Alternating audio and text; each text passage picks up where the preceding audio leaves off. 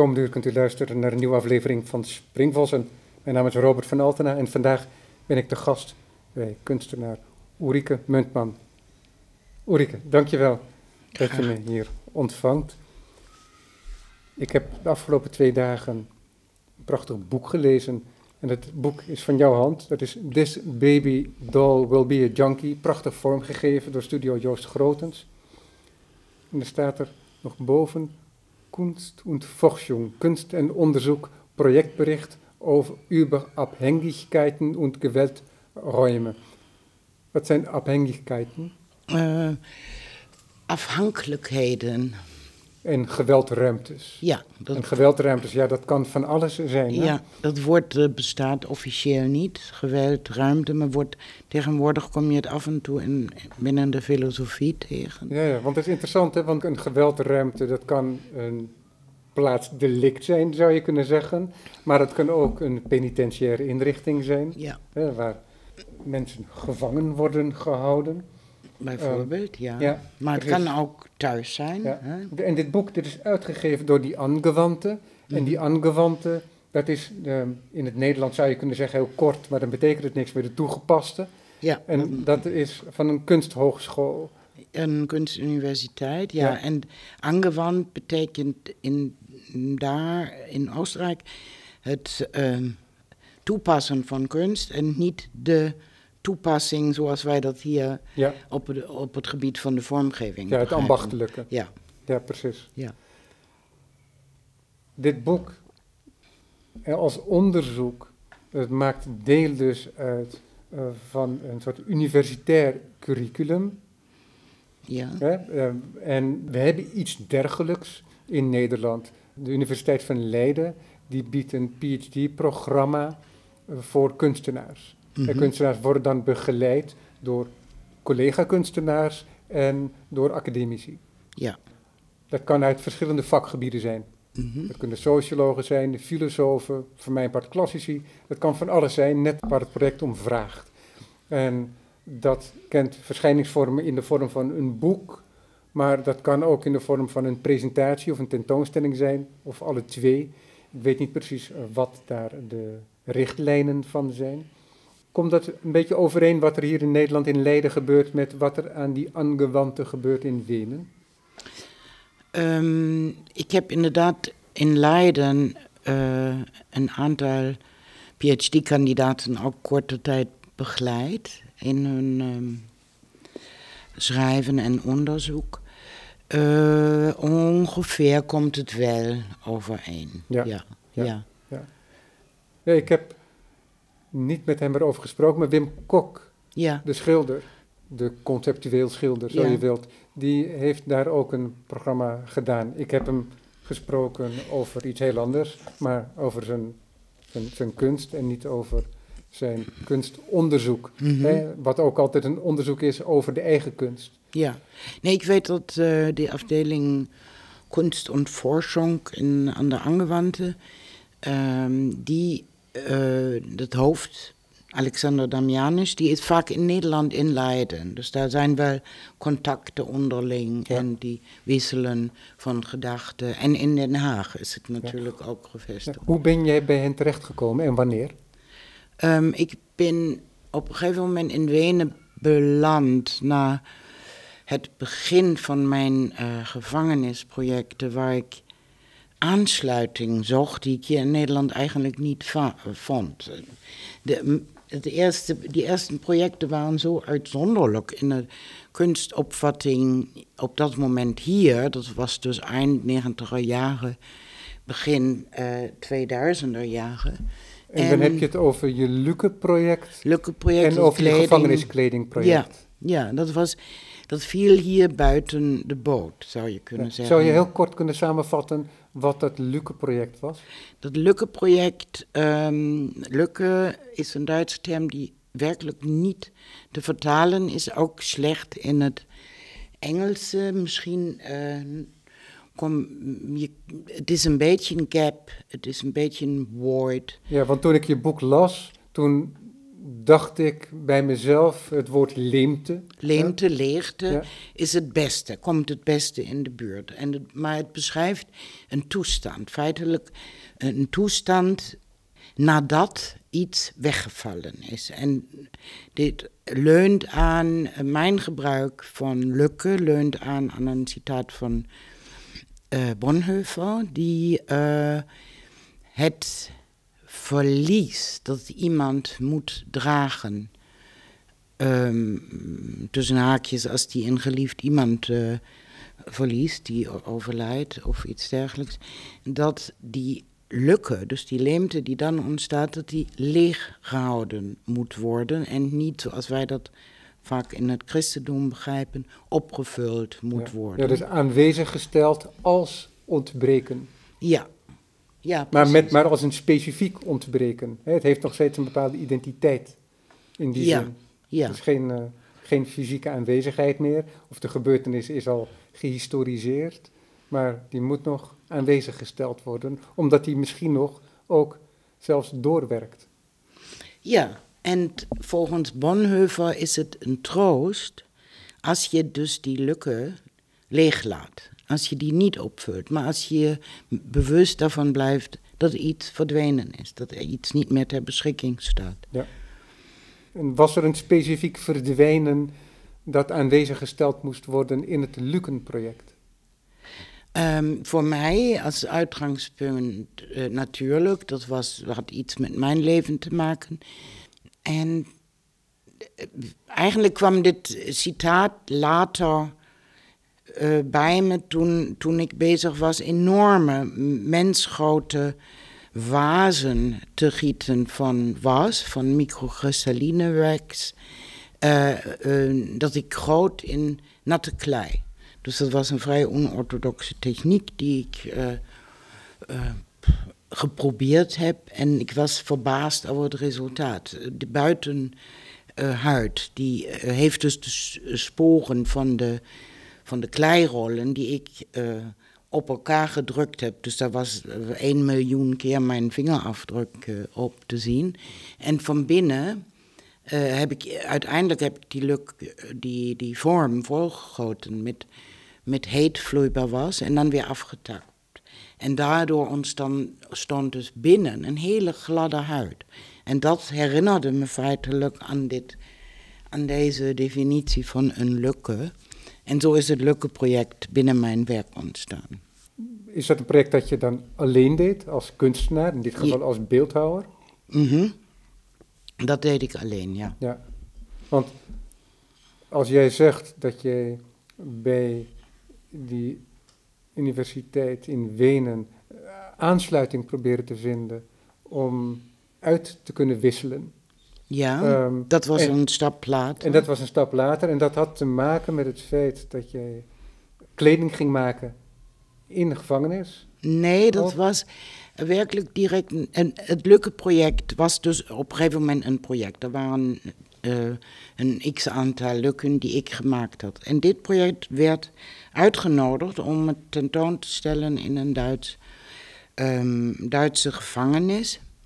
Oh, op die manier. Ja. En ehm, ik heb in plaats van mijn eh, project daar tentoon te stellen, voorgesteld aan de directie om het project in de gevangenis met de gedetineerde vrouwen eh, eh, uit te voeren. Oh ja, dat had ik niet helemaal duidelijk. Ik begrijp het. En dat heb ik gedaan en dat was een ongelooflijk succes. Binnen een week hebben dus eh, elf gedetineerde vrouwen en vijf ambtenaren die mee wilden doen, ehm, gewerkt als de dolle om hun eigen lukken te bouwen. En die ging reizen, die werd onder andere in, eh, in het regeringsgebouw in Hannover tentoongesteld. Mm, Die ging op reis naar plekken die dus met deze lukken, met het verlies te maken hadden. En, maar verder kwam ik daar niet mee in Nederland. En, eh, Omdat het ook niet specifiek werk was van jouw hand, maar werk Ook. dat onder jouw supervisie tot stand kwam. Ja, ook. Een collega vroeg mij of ik nu toch had besloten om sociaalwerker te worden. Omdat ik dus überhaupt niet de auteur wilde zijn van dit werk. Maar dat ja, waren ja, dat merk je ook op in het boek inderdaad. Ja, en eh, ja, dat was nogal een, een eh, betekenisvolle uitspraak van zo, hoezo. Dus ik moest na dit project en nadat ik wist, dit werk wil ik doen. Ik wil eh, onderzoeken wie daar in gevangenissen zit, wat zijn dat voor mensen en waarom zijn ze daar gekomen. Ehm, had ik feedback nodig. En toen ben ik bij de actionisten in Wenen beland. Met name bij kunstenaar-collega's Wochenklausuur. Dat was eh, ongeveer rond dezelfde tijd een collectief van kunstenaars die met de middelen van de kunst ingrepen in bestaande situaties. En dat vond ik dermate. En die, die maakten tussen aanhalingstekens niks meer zelf. Het ging niet om het esthetiseren van iets, maar het ging om het potentiaal van de kunst in te zetten om te interveneren, om zich ergens tegenaan te bemoeien. En zij hadden ook een gevangenisproject gedaan in Wenen tegen Schubhaft, zoals daar. Um, Wat is Schubhaft? Schubhaft is. Uh, vroeger stopte je vluchtelingen, um, immigranten, noem maar op, in, uh, die geen verblijfsvergunning krijgen of hadden, in gevangenissen in afwachting tot het terugsturen. En um, daar waren dus, hadden deze, deze had schandalige omstandigheden opgemerkt. En die hadden zich daar tegenaan bemoeid. Die hadden dat openbaar gemaakt. Als je je ergens mee bemoeit, dan is een onderdeel daarvan ook dat iets openbaar wordt. En, en, dat, en dat is de kunst die zich als activisme ja. ontwikkelt. Nou ja, en daar is Wenen natuurlijk de klassieke plek wat activisme aangaat. En naast de zaggertorten en donkerbruine politiek heb je een enorm actieve groep van intellectuelen. Het een het ander op, denk ik ook. Ja. Omdat, omdat het land zo door en door conservatief is. Ja, maar dus niet Um, door en door, maar, nee, maar, voor maar, een maar, deel. maar het zit wel tot heel ver diep in, de, Mhm. in, de, in de bestuursstructuren. Ja, absoluut. Eh, en daarom noem ik het door en door. Ehm, is het conservatief. En dat vrij extreme conservatisme, dat roept ook zijn tegendeel op. Absoluut, ja. Dus ik heb nog nooit een conservatieve in Wenen leren kennen. Dus, en ik ken veel mensen daar aan de universiteiten of ehm, in de kunstwereld. Ehm, ik, vind mensen extreem actief. Dus ja, weet, je wat, weet je wat gek is? Want jij bent eh, beeldend kunstenaar. Ja, En ehm, in de relatie tot theater zijn mensen veel minder snel geneigd om te zeggen: ja, nu maak je geen theater meer, maar nu ben je met activisme bezig of met sociale therapie. ja. Maar, oh ja, dat valt ook maar, graag. maar, met, maar met beeldende kunst eh, is die grens lijkt wel wat harder. Ja. Dus, waardoor mensen eerder tot de conclusie komen: oh, maar is dit nog wel kunst? Ja, ja, precies. Ja, die Nou vraag ja, die wordt eerder gesteld. Ja, die en vaak. Ja. En Ja. jij ontdekte gelijkgestemden, Ja, en- ehm, in dit geval dan in, in Oostenrijk. Dat had ook denk ik wel ergens anders kunnen zijn, maar absoluut, ja. misschien niet toevallig in Oostenrijk, omdat daar dat gebied eh, heel actief in wordt genomen ten opzichte van een eh, wat eh, repressiever conservatisme. Ja. Dus ik Om had... dat zo samen te vatten. Ja, dat heb je goed samengevat. Dus zo ben ik in Wenen terechtgekomen. En Ja. daar... En hoe, wat, heeft, wat heeft jou dat opgeleverd? In jouw eigen positionering en voortzetting van je project? Mm, tot, tot nu toe bedoel je, in alle consequenties. Nee, op dat moment. Op dat moment, ja. ehm, een, een vruchtbare uiteenzetting met wat ik aan het doen was. Wat de lukken betekenen. De eh, oprichter van Wochenklausuur, Wolfgang Zingel, die zei: Ja, maar jij maakt nog dingen. Nou, ik ging wel iets beledigd eh, naar huis. Hoe, hoe bedoel je, je maakt nog dingen? Nou, zij hebben dus echt heel radicaal gezegd: Wij maken wij voegen niks toe aan esthetiek in, de, in, het kunstcircuit. We nemen gewoon de power van de kunst om daarmee te ageren. Ja, dat dus is het gaat het niet meer om materiaal. de kunstmarkt, maar Nee, het gaat om de maatschappij. precies, ja. En kunst kan ook een plek hebben in de maatschappij. En dat is iets wat in de 20e eeuw en met nog meer energie eh, na de Tweede Wereldoorlog eigenlijk heel gewoon is, ook binnen de kunstwereld.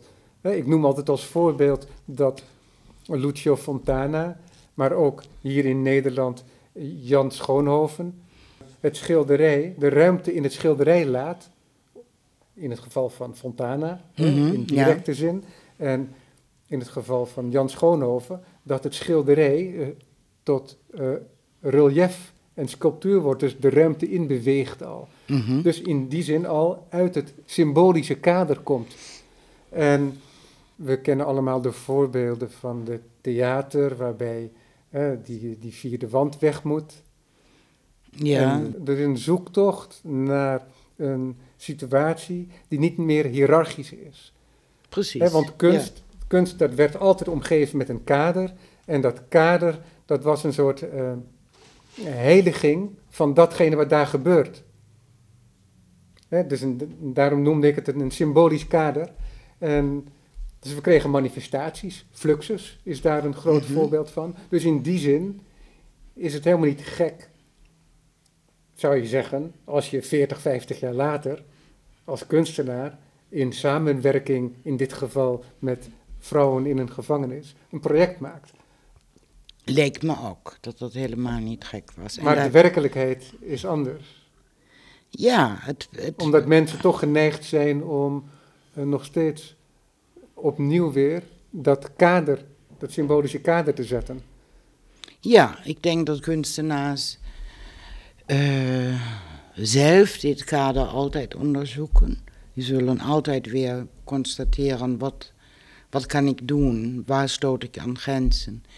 En, maar, dat is ook nog, sorry dat ik je onderbreken, maar dat is ook nog steeds van waarde. En Ja. dat, dat symbolische kader is nog steeds van waarde. Of je er nu binnen werkt, of dat je nu, zoals jij, er buiten werkt. ja, Daar ben je altijd nog mee verbonden. Ook al bevind jij je in de maatschappij, weliswaar in een luke van de maatschappij, hè, iets wat, wij, wat voor ons verborgen gaat achter een muur. Want het Mhm. zijn vrouwen die in een gevangenis zitten. Je bevindt je als kunstenaar in de maatschappij. En dat is waar jij je kunst bedrijft. Ja. En dat bedrijven van die kunst, dat is het maken van werk, van manifestaties, van het volbrengen van bepaalde processen met mensen. ja, ja, het is een win-win situatie Ja. eigenlijk. Ja. En de titel van dit boek, hè, dit is een beschrijving van die kunstpraktijk buiten dat symbolische kader van de afgelopen 23 jaar. Ja. Dus je zou bijna kunnen zeggen dat dit een samenvatting is, in zekere zin, van, vanuit een bepaald perspectief ook, van jouw kunstpraktijk. Ja. Van de kunst, mijn kunstpraktijk vanaf het moment dat ik kennis maakte met gevangenis. Ja, dus dit boek, dat bevat de instituten waar je werk hebt gemaakt. Dat bevat de vrouwen met wie je werk hebt gemaakt. Dat bevat ook allemaal in samengevatte vorm, want anders zou het een bibliotheek op zich zijn, die jij hier ongetwijfeld in je computers hebt staan. Ja.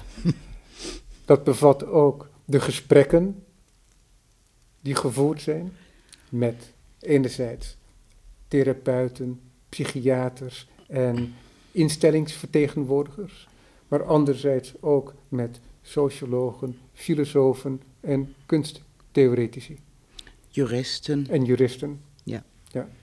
En dat alles, dat bevindt zich in dat boek. Dat wijst ook vooruit.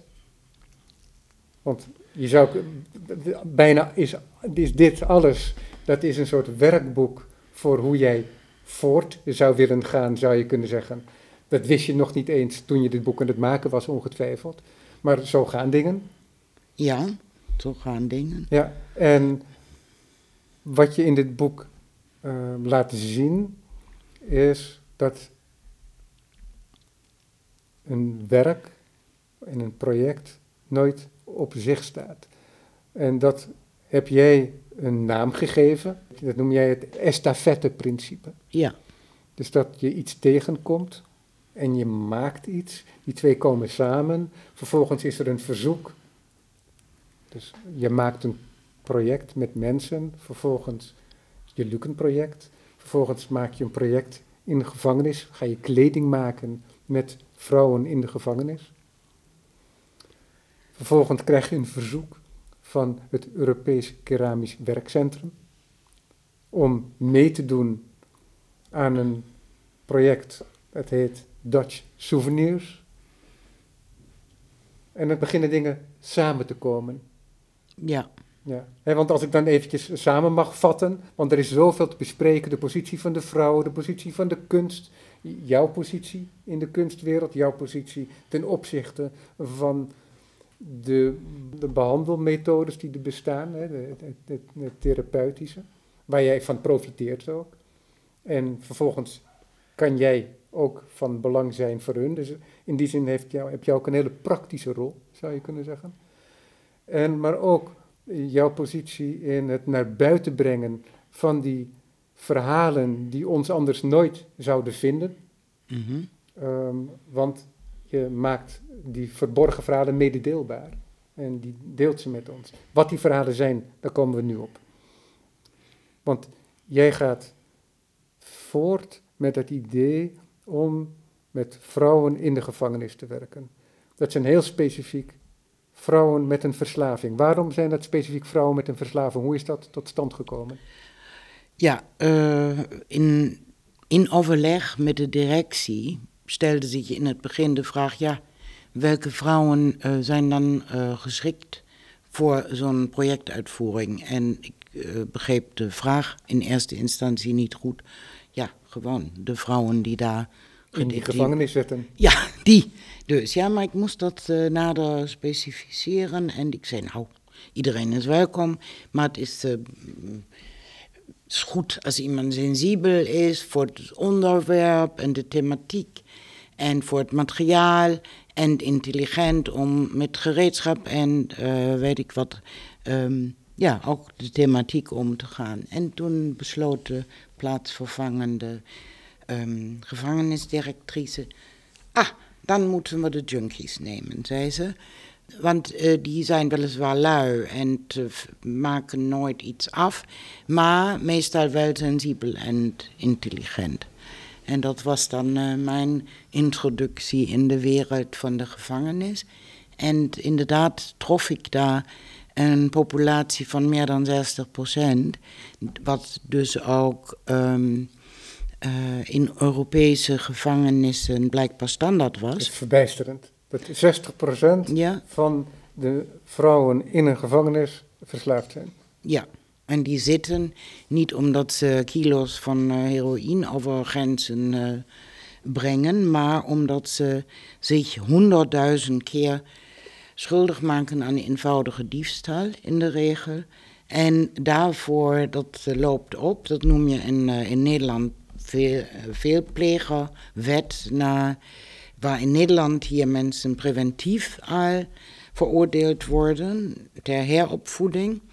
En uh, nou ja, in andere landen zijn er variaties voor. En uh, die gevangenissen die ik uh, bezocht heb, is het zo dat dus de opstapeling van een eenvoudig delict leidt tot jarenlange detentie.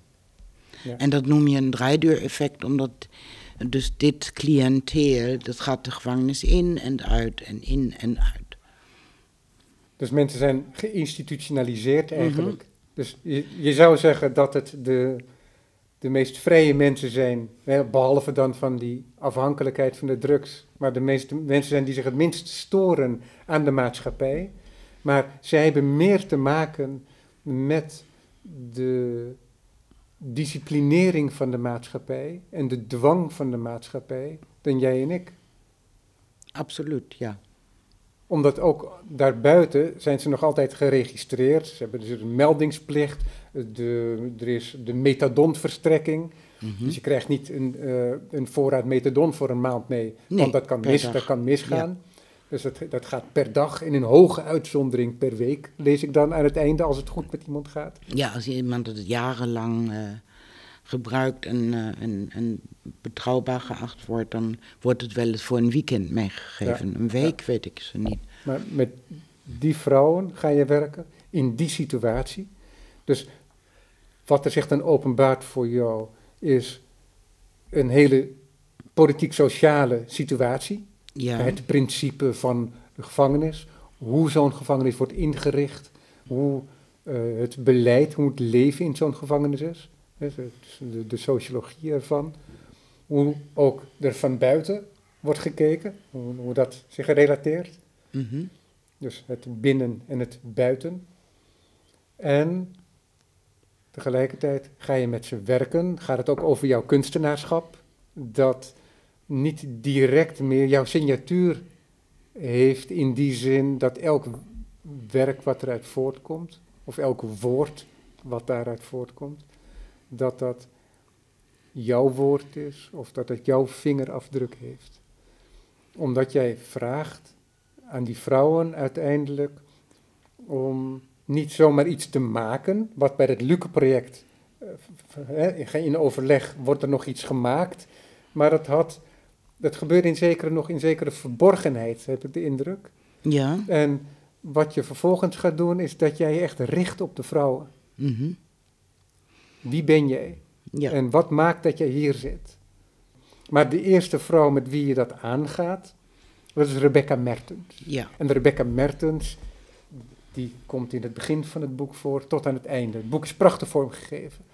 Dus ehm, de, de, het- het theoretische gedeelte, het praktische gedeelte, ehm, maar ook het sociale gedeelte, omdat met de contacten die je onderhoudt.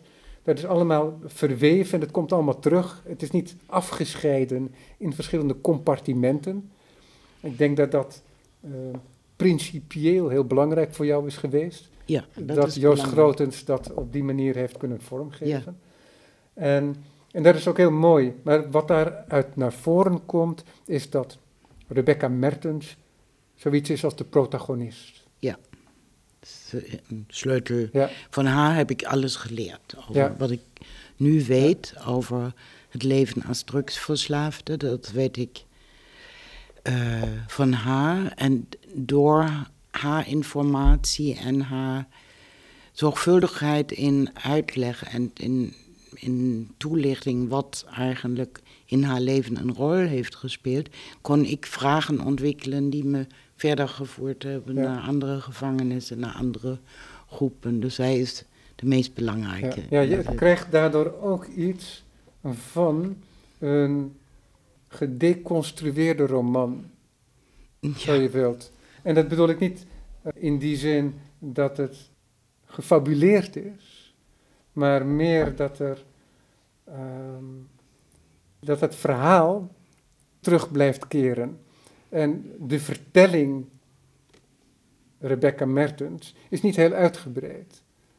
In de uitwisseling die er is. Want jij ziet er nog steeds wel eens. Ja, je zoekt er nog steeds wel eens op, je hebt contact onderhouden.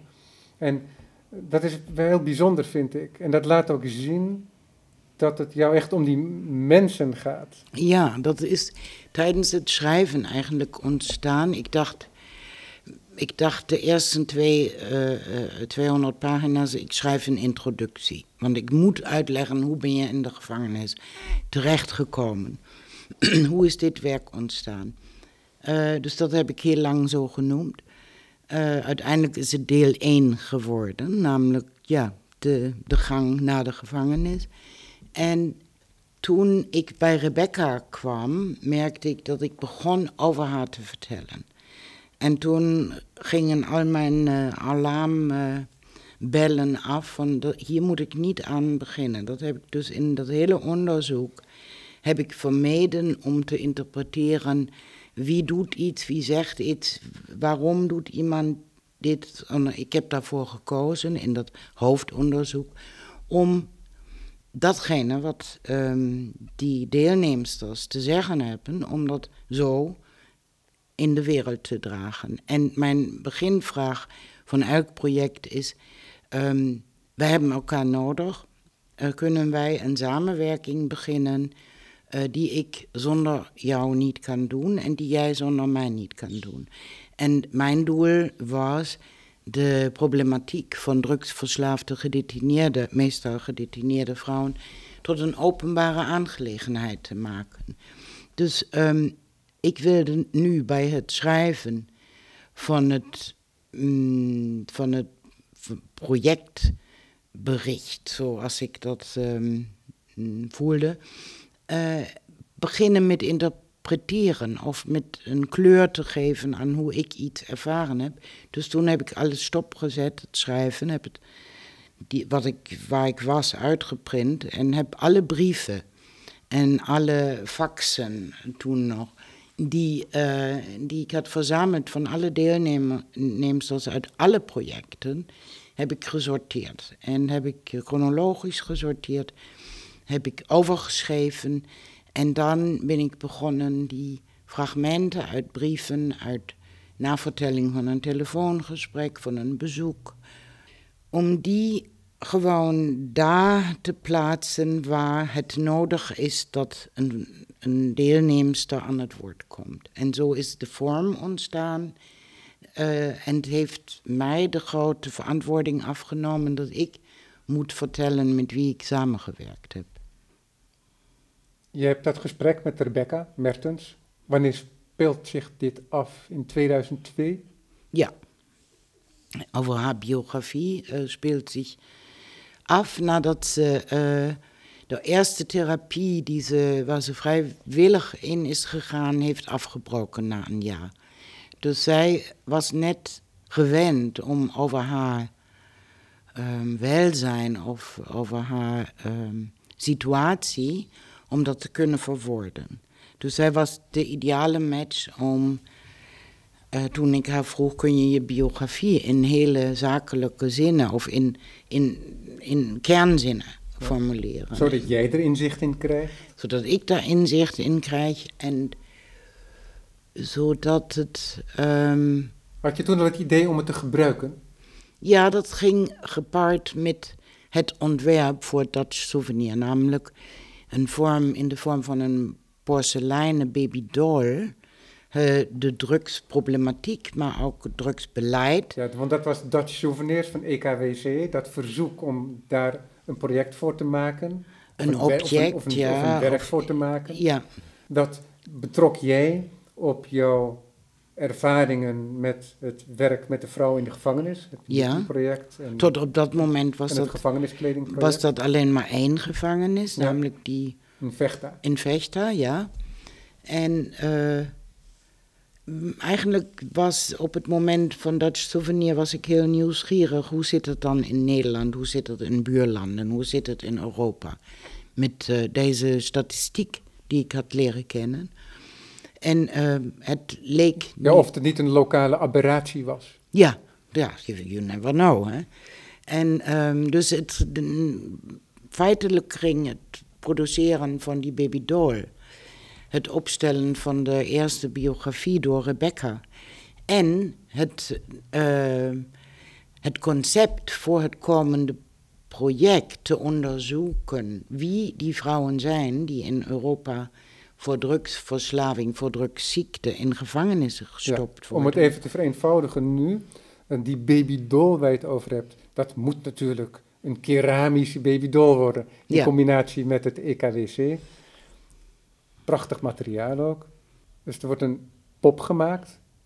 Kleiner dan een baby, denk ik. Ja. ja dat is zo'n 30 centimeter, zoiets. Mm, nog. Inschattend. 25, ja. 30, ja. En in de rug uh, wordt die initialen geperforeerd, volgens mm -hmm. mij.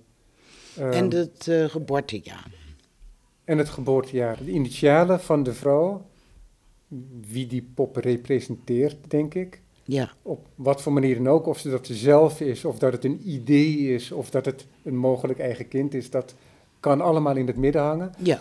Maar, dus die pop die op een bepaalde manier generiek is, die porseleinen pop, die wordt persoonlijk door die initialen en het geboortejaar. En die perforatie op de rug, dat is tegelijkertijd ook de luidsprekeruitgang, want er is een heel vernuftig audiosysteempje in de pop opgeborgen. En dat audiosysteempje, als je de pop oppakt en beweegt op bepaalde manieren, wordt geactiveerd. En dan wordt de biografie uitgesproken. Eén zin. Eén Eén zin. één zin uit de biografie per beweging of per nee, pop. per, per, per. Ja. Ja. En Rebecca Mertens, die wist heel concis die biografie van zichzelf te beschrijven in elf regels. Mhm. Dat staat heel mooi op je website. Daarvan plaats ik de link in de aankondiging, zodat mensen dat goed kunnen zien. Maar misschien is het aardig om nu naar die opname te luisteren. Naar de stem van Rebecca Mertens zelf, die haar eigen elfregelige biografie voorleest. ja. Als Säugling bzw. Kleinkind werde ich vielleicht sexuell missbraucht. Mit drei Jahren komme ich das erste Mal in therapeutische Behandlung.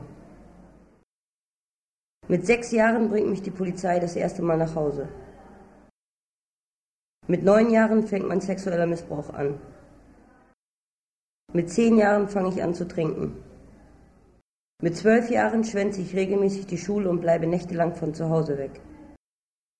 Mit 14 Jahren muss ich ins Heim. Mit 16 Jahren spritze ich Heroin. Mit 18 Jahren werde ich inhaftiert.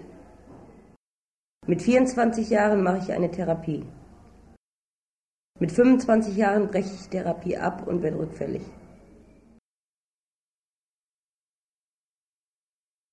Het is verbijsterend, hè, die elf korte zinnen. Ja, totaal. En ook die keuze heeft me heel erg verbaasd. Want ik wist op dat moment al heel, heel veel van haar. We hadden elkaar vaak gezien. Ze heeft me. We hebben honderd brieven uitgewisseld, zeker in de loop van de tijd. En ehm, ja, die keuze, wa- wat zij benoemt als eh, bepalend voor haar levensverhaal, dat verbaasde mij enorm. Zonder een eh, uiting van heb ik helaas moeten ervaren Ja. dat. De emotie wordt niet letterlijk genoemd. Ja. Alleen de gebeurtenis Ja. en de levenssituatie wordt benoemd. En dat vond ik heel erg betekenend. Jij zag daar tegelijkertijd ook een soort matrix voor je project. Dat als jij met andere vrouwen zou gaan werken, dat dat misschien een goed uitgangspunt zou zijn. Omdat je merkte dat die, die vrouwen met wie je werkte soms ook moeite hadden om het, die, die biografie samen te stellen. Ja, en toen, toen Rebecca dit zo uit de mouw schudde, dacht ik, nou, dat gaat dus zo. Maar daar had ik me lelijk in vergist. Het tweede project heb ik dus in Nederland in een antroposofische uh, verslavingszorginstelling uh, mogen uitvoeren. Ja, dus dan kom je al in een heel andere situatie, want we hebben eerst het gevang Ja, in Vechta. Vervolgens in een antroposofische therapeutische instelling in ja Nederland. ik, kreeg, ik heb twee jaar lang geprobeerd om in Nederland toelating te vinden in een gevangenis. En dat is me niet gelukt. Ja, ja je, je zoekt ook waar het Ja, mogelijk is. Absoluut, Ja, ja. precies. Maar wat ook interessant is, ja, omdat dat je weer in een zeer- nieuwe situatie wordt geworpen. Ja. En ik werd door de eh, psychiater, de leider van, eh, van, van deze instelling, heel erg ondersteund en Ja. bemoedigd dat Ja. te doen. En dat was een heel langdurig project met vier vrouwen. En halverwege, en die hebben dus ehm, in eerste instantie geleerd de babydolls te produceren. Dus in malle babydolls eh, te gieten. Ja, dus de poppen worden door de vrouwen zelf gemaakt. Ja, en eh, wat ook uitstekend functioneerde. Hoe selecteer je de vrouwen? Ik heb een in- introductie over mijn werk in de instelling gehouden. Met een ehm, PowerPoint heette dat toen nog, dacht ik. En eh, die vrouwen uitgenodigd om deel te nemen aan mijn onderzoek. dat noemde ik inmiddels volgens mij een onderzoek, om de problematiek tot een openbare aangelegenheid te kunnen maken. Dus zij wisten van begin af aan dat die baby dolls die ze zouden maken, dat die uh, bestukt zouden worden met, uh, met levensverhalen van de deelnemsters. En dat uiteindelijk die baby dolls weer naar buiten in de wereld uh, geplaatst zouden worden. Dus via de culturele ruimte ook uiteindelijk naar de openbare ruimte. Ja, precies. En misschien moeten we dat in dat Nederlands project dan eventjes als voorbeeld nemen. Hè? Want jij gaat dan met die mensen van het Antroposofisch Therapeutisch Instituut, ARTA heet dat? ARTA, ja. Ga je aan het werk? Hoeveel vrouwen zijn dat? Um, voor die uh, introductie zaten daar zeker weet ik niet, twintig. Nee, maar hoeveel, met hoeveel ga je uiteindelijk in zee? Uh, met vier. Met, met vier vrouwen? Met een kleine groep. Dat ja. hadden drie kunnen zijn of vijf, maar ja. dit waren vier. Ja. En dat was in Nederland, dus in dit geval was het zo dat die vrouwen twee, drie dagen per week hier bij jou in de studio kwamen? Mm, dat was de tweede fase. We zijn begonnen in Zeist, in de instelling zelf. Daar hadden wij een werkruimte. En daarna uh, stond hij niet meer ter beschikking. Toen heb ik gezegd, oké, okay, we zetten het project voort in Amsterdam. En kwamen ze hier, in mijn atelier. Ja. Ja. Dat is wel een avontuur op zich misschien, ja, hè? Dat... een excursie. Absoluut, ja. ja. Sommigen werden gebracht en sommigen gingen samen met de trein en bus. En uh, het was behoorlijk inspannend, ja. ja.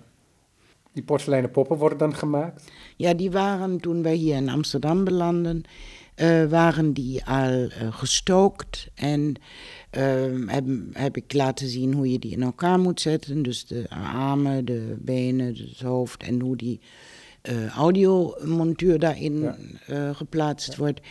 Maar nu ging het daarom, en dat had ik eerder al steeds geprobeerd te, uh, aan te geven als, uh, als andere taak om die biografieën te schrijven. En Precies, en, je, en, en, want daar waren we net gebleven voordat ik je onderbrak.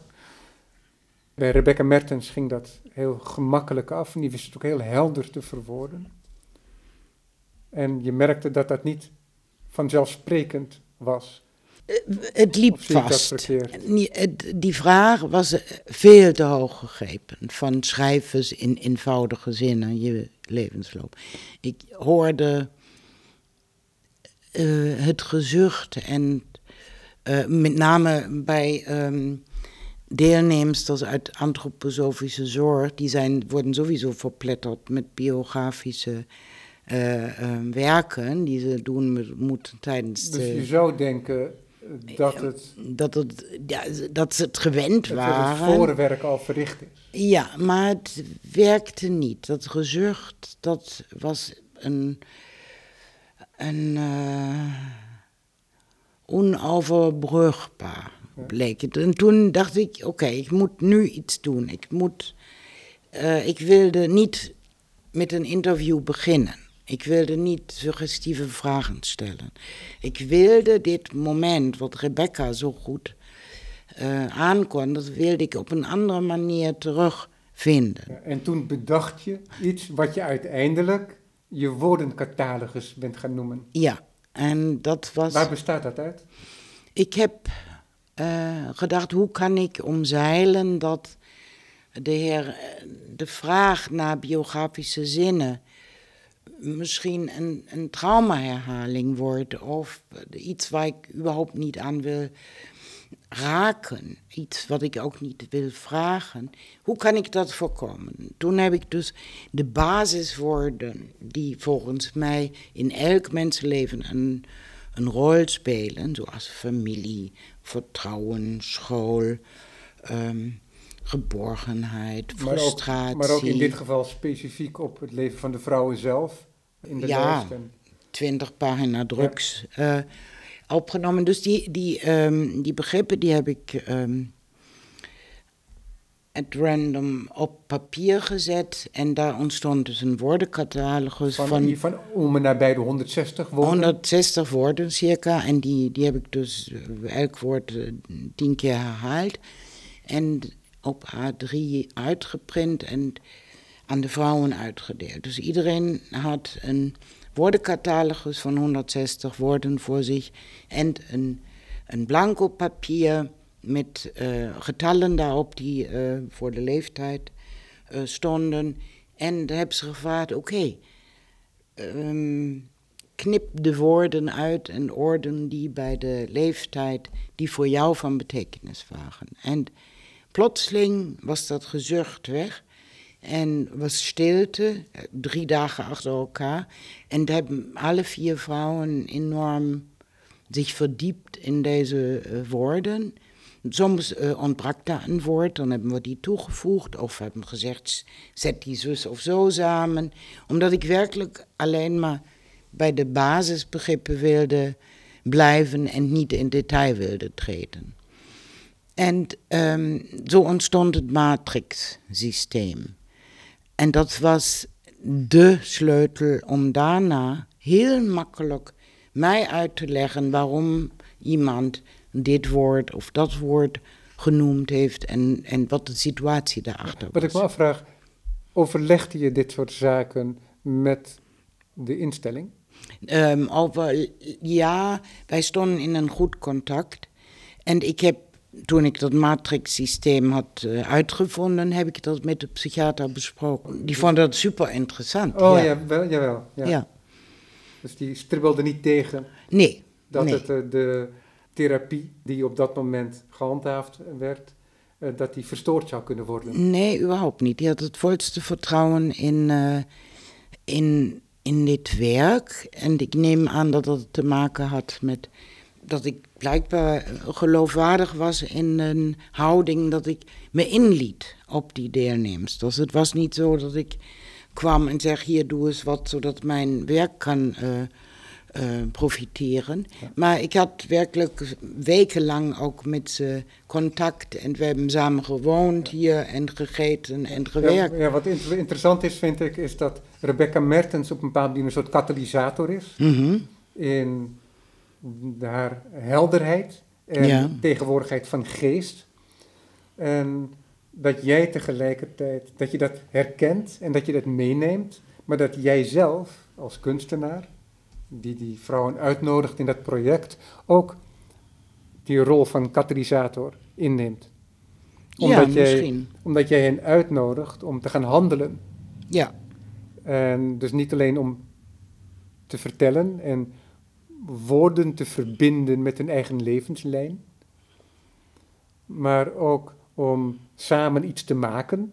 Ja, dat was heel Dus belangrijk. die, dus die, die poppen worden, worden gemaakt, dus Ja. er wordt iets veruitwendigd. Het is niet alleen maar dat er iets in dat hoofd blijft zitten en dat als zij weggaan, dat zij het dan meenemen en dan verdrinkt het vervolgens weer in allerlei andere woorden, bijvoorbeeld. Nee, dat niet. Maar ook nadat de matrixwoorden ehm, per persoon er waren. En eh, de, de gesprekken gevoerd waren, eh, verslagen daarvan geschreven waren. En wij eh, samen de zinnen formuleerden, of Ja. ik een voorstel deed van zou je het zo zeggen, dan nog ehm, vanaf dat moment dat eenmaal dit dit poort geopend was naar zoiets wat een biografisch werk zou kunnen zijn, Ja.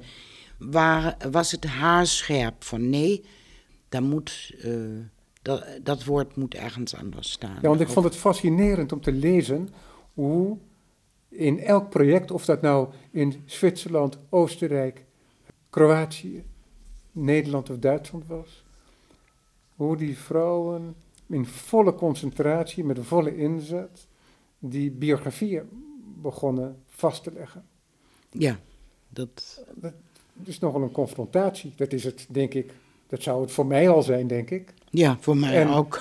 Maar dus in zo'n situatie, zo'n leven waarin zoveel kapot is gemaakt, ehm, lijkt me dat nog een veel groter probleem. Maar goed, dat probleem heb jij gedeeltelijk kennelijk weggenomen door die matrix, hè, door die woordencatalogus. We hebben maar een radiouur, hè, dat is iets- net iets korter dan een uur. Dus ik, wil, ik ben heel nieuwsgierig naar hoe dat allemaal gaat. Mensen kunnen heel veel over dit project te weten komen via de website. Die op dus dit, dit- moment aangepast wordt. Ja, dus, dit gesprek, maar dat is heel rijk en er staan ook audiofragmenten op en dergelijke. En Ja, het is onmogelijk om dat hele project natuurlijk te vertegenwoordigen in één zo'n gesprek, maar we doen ons best. Uiteindelijk worden er niet van alle vrouwen de zinnen in audiovorm in zijn baby geplaatst. Nee, dat klopt. Eén project. Uh, Hoe ging dat in Amsterdam, Mm, in Nederland? Wij hebben twee series kunnen produceren, omdat we zo eindeloos lang eh, samengewerkt En hoeveel, hebben. hoeveel porseleinen poppen zijn dat? Dat zijn eh, twee keer mm, zo'n 25 babydolls. En eh, in, in de gevangenis, want in alle andere landen is het project uitgevoerd in de gevangenis, krijg ik maar 14 dagen tijd. Dus Ja. daar wordt één serie geproduceerd. En we kiezen pas na het project welke biografie eh, ehm, geplaatst wordt in de en, en wie kiest dat? Kies jij dat in, samen, in, in overleg met de vrouwen? Ja. Ja, en dat is altijd een pijnlijk moment, omdat iedereen geplaatst wil worden in de babydolls. Maar dat is ook een, een financieel aspect. Het is waanzinnig kostbaar. Die Kijk, in, in, serie. in Nederland was het zo dat er allerlei dingen samenkwamen. Je hebt het EKWC Mhm. hè, met Dutch Souvenirs. Vervolgens had je het project Liefde in de Stad. Ja. Ik weet niet of dat nog bestaat, maar dat is een project vanuit eh, Paradiso. mhm. Dat zijn vaak werken in de publieke ruimte. En die proberen ook om wat zachtheid te delen in die publieke ruimte. Om die publieke ruimte in die zin ehm, ook eh, eigenlijk te openen, als het ware. Ja. En eh, om de, of de mensen te openen in de publieke ruimte. En dat komt wel overeen met jouw project ook. En toen heb jij in overleg met Gijs Vrieling, Ja. de kunstenaar die ook toen directeur was van W139, Ja. dat project, This Baby Doll Will Be a Junkie, kunnen presenteren in W139 in de vorm van een publieksgesprek. Ja. Waarbij ook, kwamen er twaalf taxis denk ik. Nee, voor elke babydoll één. Dus het waren toen eh, 24 babydolls of 25.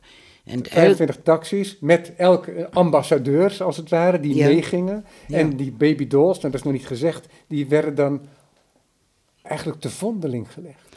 Die werden in de openbare ruimte daar geplaatst waar de biografe eh, het juist vond. Ja. Die elke, bij elke zin Een soort hoort een verbinding plek. ook weer Ja. a- a- aanging met die biografie. Ja, Met die biografie die in die specifieke plek eigenlijk onzichtbaar was. Dus Ja. dat was een heel individuele verbinding.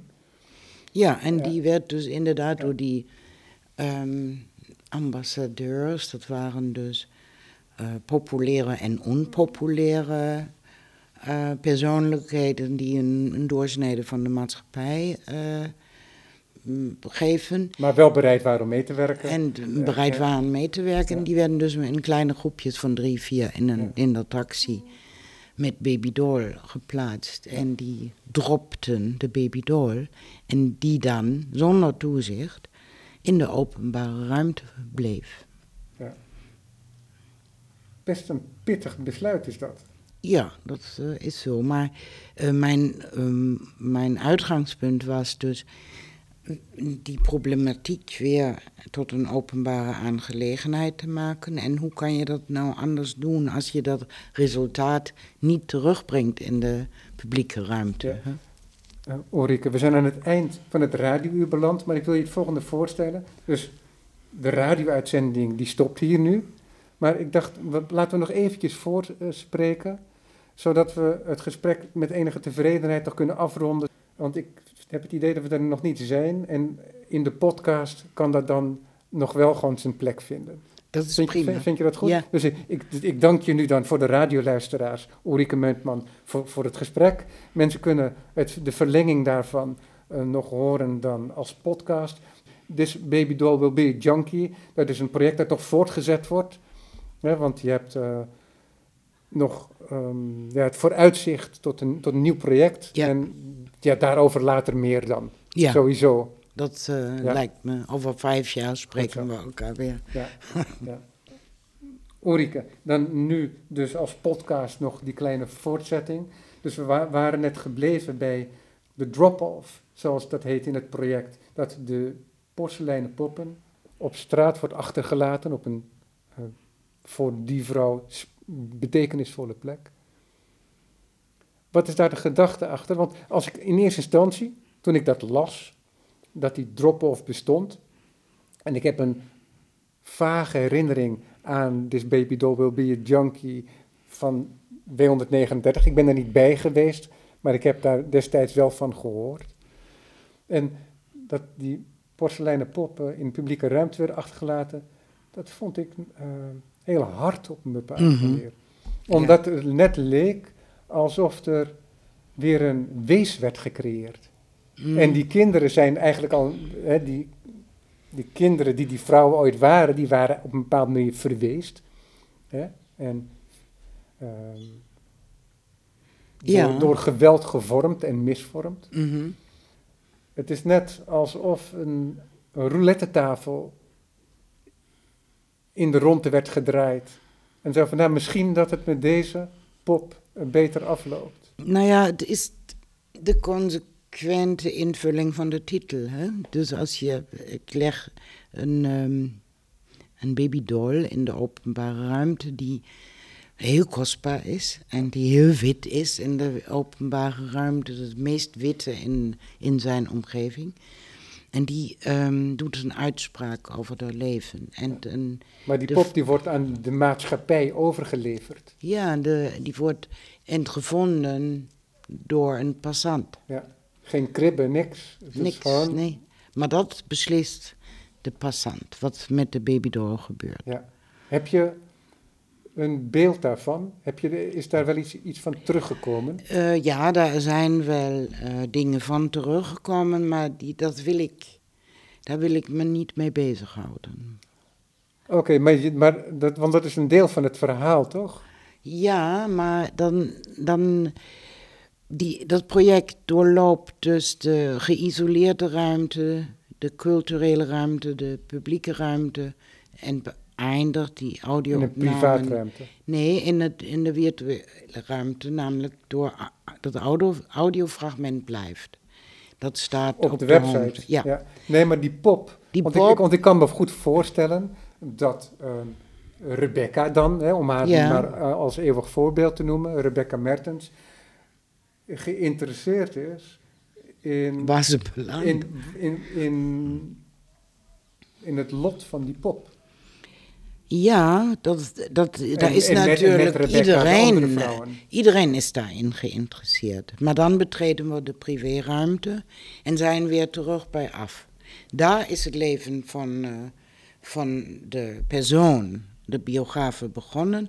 Daar heeft niemand binnen mogen kijken. Of als dat gebeurde, dan waren het Ja, instituties. dus dat, is een soort, ge- dat blijft een soort geheim. Ja, Ja. Daarom noemen we het privéruimte of private ruimte. En eh, dat is het lot van mensen, dat wij uiteindelijk ons verantwoorden voor wat we zijn en doen in de privéruimte. En daar, daar belandt de babydoll hopelijk. Ja. En eh, het is aan de, aan de vinder en aan de eh, toekomstige ehm, bezitter wat met deze babydoll gebeurt. En misschien wordt ze wel geen junkie, Is het- weet. Mogelijk voor die persoon die niet in de kunstwereld zit en zo'n pop vindt om te herleiden waar Ja. die pop vandaan komt. Ja, de pop heeft eh, een label aan de poort, waar de titel van het project, de naam van de biografe en de, het, ehm, de website link Ja, op staat. Zo. En de vinder kan mij ook vinden. En dan, Is dat ook gebeurd? ja, soms. Zonder dat je daar dan Ja. verslag van doet nu, maar dat is wel gebeurd. Mm, Soms, ja. Ja. En je hebt dat project, nu hebben we het wat uitgebreider gehad over het project in Nederland. Ook om te laten zien hoe dat estafette-principe werkt, dat er allerlei dingen samenkomen. Mhm. Nou ja, daar wordt een kennis gegenereerd die doorgegeven wordt. Dat is die estafette. Hè? Hier, dit is Dat, dat doen de deelnemers, die geven mij hun kennis. Ik uh, neem de verantwoording met de kennis op een bepaalde manier om te gaan. De, zij hebben de baby dolls gemaakt. Zij zijn het daarmee eens welke verdere uh, maatschappelijke ruimte zij doorlopen. En dan is de volgende aan de beurt met ja. de estafette. Ja, maar deel van die estafette is ook toch het EKWC, dat jou vraagt voor een porseleinproject. Ja. En, uh, dus in die zin... En de debatten uiteraard van in de die politiek. zin worden daar in die estafetten allerlei werelden vertegenwoordigd. Er komen allemaal werelden, verschillende werelden Ja. samen. Mhm. Ja. En dat project dat heb je gedaan in Duitsland, in Nederland, in Zwitserland, Oostenrijk en uiteindelijk in Zagreb, in Kroatië. Elke keer een hele andere omgeving. Ja. Want eh, als ik die, eh, me op andere omgevingen, andere bevolkingssystemen inlaat, dan kan ik mogelijkerwijs door aan de hand van deze uitspraken van een hele kleine eh, bevolkingsgroep iets zeggen over de culturele, de sociale, de politieke overeenkomsten en eh, verscheidenheden van deze systemen, Ja. van, van deze landen, van gevangenissystemen tot En is dat dan een systeem of ben je ook afhankelijk van de directeur van een instituut? Maar Daarvan ben ik zeker in eerste instantie afhankelijk, ja. Want die interpreteren de regels van het systeem. Ja, En dat, dat kan tot hele andere interpretaties leiden, zelfs binnen één land natuurlijk. ja dat, dat gebeurt ook. Want uiteindelijk is het zo, als ik het goed begrepen heb, in Zwitserland, dat daar het project nooit gepresenteerd is geweest. ja, Dus het is wel gemaakt. Dus de vrouwen die hebben dat, hun biografieën met jou gemaakt, die hebben de porseleinen poppen gemaakt. mhm. Maar de uiteindelijke presentatie, die hebben ze nooit. ehm, In de gevangenis hebben wij uiteindelijk de toestemming gekregen voor één uur het project te presenteren. Ja. En dat was, dat was werkelijk een verdrietig moment voor de deelnemers, die zich zo daarop hadden verheugd, dit werk aan de mede-inzittenden te laten zien. op, een, op een bijna moederlijke wijze vertelde jij ze dat jou dat niet ongewoon is in de kunstwereld, waarin je een project waarvoor je je volledig inzet binnen een half uur of drie kwartier voor het voetlicht moet brengen. Ja. Ja. Nou, ze hebben dat dan ook uitstekend gedaan. Ja. En, eh, maar ja, de directie was aan het pruilen en die was achteraf eh, heel ontevreden daar eh, over de- dit project toegelaten te hebben. Omdat het de orde verstoorde. Ja, omdat het gewoon veel verder ging dan asbakken kleien en weet ik wat. Ja, dus juist wat elders gezien werd als de kwaliteit van het project, ja, werd hier geïnterpreteerd als het probleem van het project. ja, precies. Ja. Dus dat, dat weet je van daarvoor nooit, hoe eh, op dit werk gereageerd Werd daar wel openlijk over gesproken? Nee, dat was, eh, ik moest de medewerkers en de psychologen bijvoorbeeld, die moest ik ongeveer aan de haren daarbij slepen om een keer langs te komen in het project. Want die inzittende vrouwen, die hadden wel degelijk behoefte om mee te delen wat ze aan het doen waren. Dit project dat begeeft zich op verschillende terreinen, hebben we al gezegd. Ehm, een deel van het boek toont dat ook, want dat zijn de gesprekken die gevoerd worden. En een van de deelnemers aan die gesprekken die vrij veel aan het woord komt, ehm, dat is Rut Zonderekker. Wie, eh, wie is zij? Ruth Sonderecker eh, is een filosoof. En zij heeft hier in Amsterdam aan de UvA ehm, zeven jaar, volgens mij, ehm, mm, filosofie geleerd. Was hier professor. En is teruggegaan naar Wenen. En eh, ze is nu mm, werkte aan de Academie voor Beeldende Kunst. Dat is de andere grote kunstinstitutie in, eh, in Wenen. En ehm, ja, zij was een van de complietsinnen met die ik dus gesprekken voer. Dus uh, naast de expert meetings, het openbare debat, heb ik dus compleetzinnen treffen ingevoerd om veel intiemer en uh, niet openbaar een uh, veer te gaan in de discussie over één onderwerp. Ja, dat zou je vertalen als medeplichtigen. Is dat, heeft dat ook die gekke klank een beetje zo? ja, dat heeft het ook. En ja, dat, is, dat is bewust gekozen. -hmm, en politiek oncorrect geschreven als zin, dus ja, de vrouwelijke dat, vorm. Dat, doe je consequent, dat is nog niet benoemd inderdaad. Is dat de vrouwelijke vorm met hoofdletter dan, de, met die hoofdletter I, mm. um, voortdurend als suffix aan het woord is toegevoegd. Ja. Om de specifiek vrouwelijke stem uh, te vertegenwoordigen. Ja, maar dat is in Duitsland en zeker in Oostenrijk is dat heel gebruikelijk. Ja, het is een vorm van inclusief schrijven, ja, wat ja, ook in precies. Frankrijk uh, heel erg bediscussieerd wordt. Ja. ja. In Nederland speelt dat veel minder, heb ik de indruk. Überhaupt niet. Ik heb dit boek in het Duits uh, geschreven en ik werd er echt wel met de neus uh, op het genderen gedrukt dat dat correct moet zijn. En dat verandert. Het is elke keer als je dat innen ergens achter moet hangen, ja. dan ben je daarvan bewust dat het op mannen of vrouwen gaat. Ja, kijk, en wat wel belangrijk is, het is geen ledige vormdiscussie, hè, want het gaat om een heel specifiek perspectief dat ook invulling behoeft. Want ook de gevangenissen die zijn vormgegeven naar de maatstaf van mannen. Ja. He, we, we, de, je noemde al eventjes de, het NATO-prikkeldraad met de, met de scheermesjes. Dus niet Ja. een banale prikkeldraad met de punten zoals wij die kennen. En ehm, de geweldsbeperkende maatregelen die voor de mannengevangenissen zinnig zijn, maar dat voor de vrouwengevangenissen niet zo, zozeer zinnig zijn. Dus het is van belang, ook in dit specifieke Ja. domein en ook in de maatschappij, dat daar aandacht voor is en dat het ehm, stem krijgt, ook Mhm. weer. Dus this baby doll will be a junkie, zoals dat hier beschreven staat in dit mooie boek, eh, is tot een einde gekomen.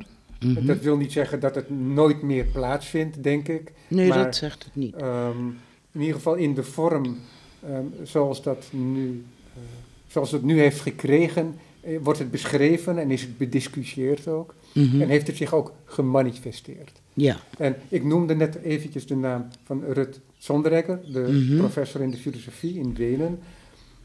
Omdat zij denk ik degene is die ehm, Foucault erbij haalt, wat heel normaal is ook en te verwachten in die omgeving van de gevangenis, omdat hij heel veel schrijft over de disciplinering mhm. hè, in en de machtsstructuren. ja, machtsstructuren. Vanuit een historisch perspectief doet hij dat, hè, Ja. met zijn genealogische methode. Mhm. En hij heeft ook zo'n woord tot concept gemaakt uit het klassieke Grieks. En dat is eh, paresia. Ja. Om dat op zijn goed Hollands-Grieks te, uit te spreken. Niemand weet hoe het Ja. uitgesproken moet worden. En paresia, dat is ehm, een soort vrijmoedig spreken. En Ja. ehm, Foucault, die probeert dat nog een beetje onder te verdelen, dat er een, een vrijmoedig, vrijuit openlijk spreken is in het private, onder vrienden. Ehm, er is een paresia voor het publiek-politieke. Ja. En er is iets wat ik dan de, eigenlijk de filosofische paresia zou noemen, maar die Foucault eh, munt als de kynische, Ja. eh, voor de, de niet-filosofen onder ons, de eh, cynische ehm paresia is. Mhm. En dat is de paresia eh, nar, zou je kunnen zeggen.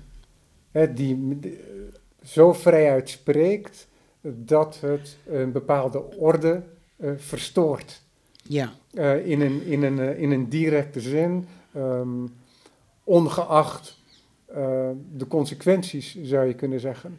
En dat verwijst dan ook naar, eh, dat kinesis, naar, naar Diogenes, de man, de filosoof, die zich in alle vrijheid probeerde te bewegen, hè, die dan spreekwoordelijk in de houten ton woonde en eh, zich masturbeerde in het publieke. Ja, op de marktplaats. Precies, op de marktplaats, dat is ook nog wel belangrijk inderdaad.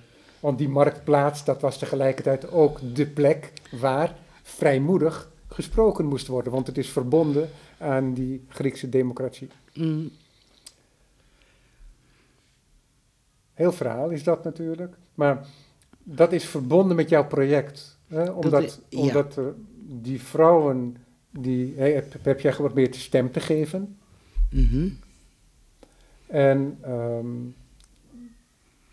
die heb je geprobeerd om vrijheid te laten spreken. In zekere, Mm. in zekere zin. Eigenlijk is het omgedraaid dat ik na deze ervaring met de baby dolls en dat ongelooflijk ongekende enthousiasme van de deelnemers, dat de meest pijnlijke en meest leedzame levensverhalen ehm, op te dreunen, als het ware, de zinnen te formuleren en op, uit te spreken, ehm, bracht mij op de vraag of de huidige Parisiasten niet wel die deelnemers zijn die ik in, eh, met die ik in gevangenissen eh, samenwerk. Of die niet de eigenlijke waarheidsprekers. Eh Foucault noemde het ook het waarspreken als een handeling. Dus het gaat om dat opstaan en ook om het risico nemen dat daarmee verbonden is. Maar dat doen ze via jouw project. Ja, dat doen ze, dat maakt niet uit waardoor je het doet. Ze doen het. Mhm. Ze staan op en ze spreken de waarheid Ja. uit en dat is een handeling. En eh, dus ik heb het nu omgedraaid. Ik weet het nu dat, eh, dat zij dat doen. Dus nu in een nieuwe project ga ik daarmee, met wat Foucault speech activity noemt, om dat eh, verder te onderzoeken in nieuwe projecten, nu dan in Noord- en Zuid-Europa. Ja. ja, want er zijn verschillende filosofen die hierover geschreven hebben eigenlijk. Hè, ehm, in dezelfde periode als Foucault. Eh, Jean-François Lyotard, die doet het ook in Le Différent. ja, Die heeft het toch over, erover dat bepaalde mensen of bepaalde verhalen geen stem kunnen hebben binnen een bepaald systeem. ja. Dat je buitengesloten kan worden. En Dus dat je een risico loopt, precies. hè, nog steeds. precies. Dus en, eh, en wat jij zou, wat je doet, zou je kunnen zeggen, is dat die mensen die het risico lopen om volledig buitengesloten te worden, dat jij binnen de huidige orde een orde creëert waarbinnen die stemmen wel kunnen klinken. Ja, dat eventjes samenvattend probeer ik dan. Hè, dat is, het is moeilijk om recht te doen aan zo'n complex verhaal. Maar Het- ik denk ja. dat dat wel, een, wel iets is. Maar dat is wat je tot nu toe gedaan hebt. En jij hebt ook inzicht verkregen in je eigen project. Via die gesprekken die je gevoerd hebt. Ja. Onder andere met, eh, met goed, ja. met Rut. ja. En dat heb je ook opgenomen als een soort voor- vooruitwijzing van nieuwe projecten. Ja, Zou je daar eh, tot slot dan een tipje van de sluier op kunnen lichten?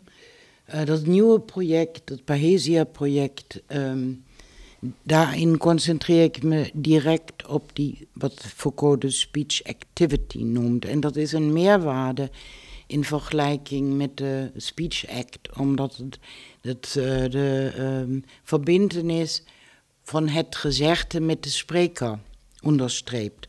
En daar zoek ik nu vormen voor om dat in Zou je nieuwe... dat kunnen herhalen? Ehm, Foucault vindt het nodig om dus verder te gaan dan speech act, een, een spreekhandeling, maar gaat eh, naar activity. En dat, dat onderscheid wat hij maakt is eh, eh, te zeggen dat een verband gelegd moet worden tussen het gezegde en de spreker. Dus je kunt niet, het gaat hem namelijk niet om de waarheid aan zich. Het gaat daarom die handeling te verrichten, om op te staan, wat meestal daar, daar eh, mee samengaat.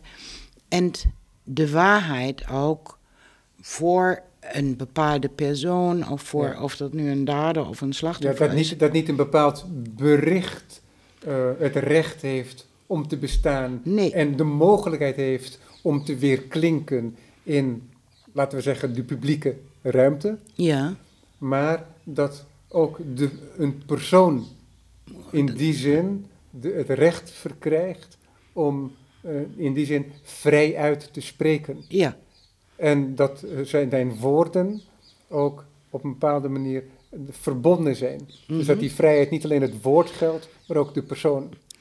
En, ja, en dat het gezegde dus in verband staat met een situatie, Ja. met, als je wilt, een wetgeving, met een maatschappelijk systeem, Ja. met een opvatting. Het heeft verband. En, en dat verband, dat eh, moet gezien worden. Ja, de eeuwige context. Ja, de eeuwige context. Ja, Ja, Dat speelt altijd een belangrijke rol in, Ja. in de kunst. En als jij als kunstenaar je in het publieke begeeft buiten dat symbolische kader, dan ehm, zijn er heel veel contexten die kunnen verstoren, maar ook kunnen verrijken. ja, En daar probeer jij mee te werken, met die verstoringen en verrijkingen. ja. En daar probeer jij een balans in te vinden in je werk. mhm. En daar wijst jouw werk ook naar vooruit. Nu met dat nieuwe Parijsia-project. We gaan het er niet uitgebreider over hebben nu. Jij staat aan het begin van het onderzoek. Ik spreek je heel graag te zijner tijd als dat eh, meer vaste voet heeft gekregen. Graag, ja. ik dan, dank je eh, in ieder geval nu voor je, je geduld en je mooie verhaal. Dank je wel. ook. Ja.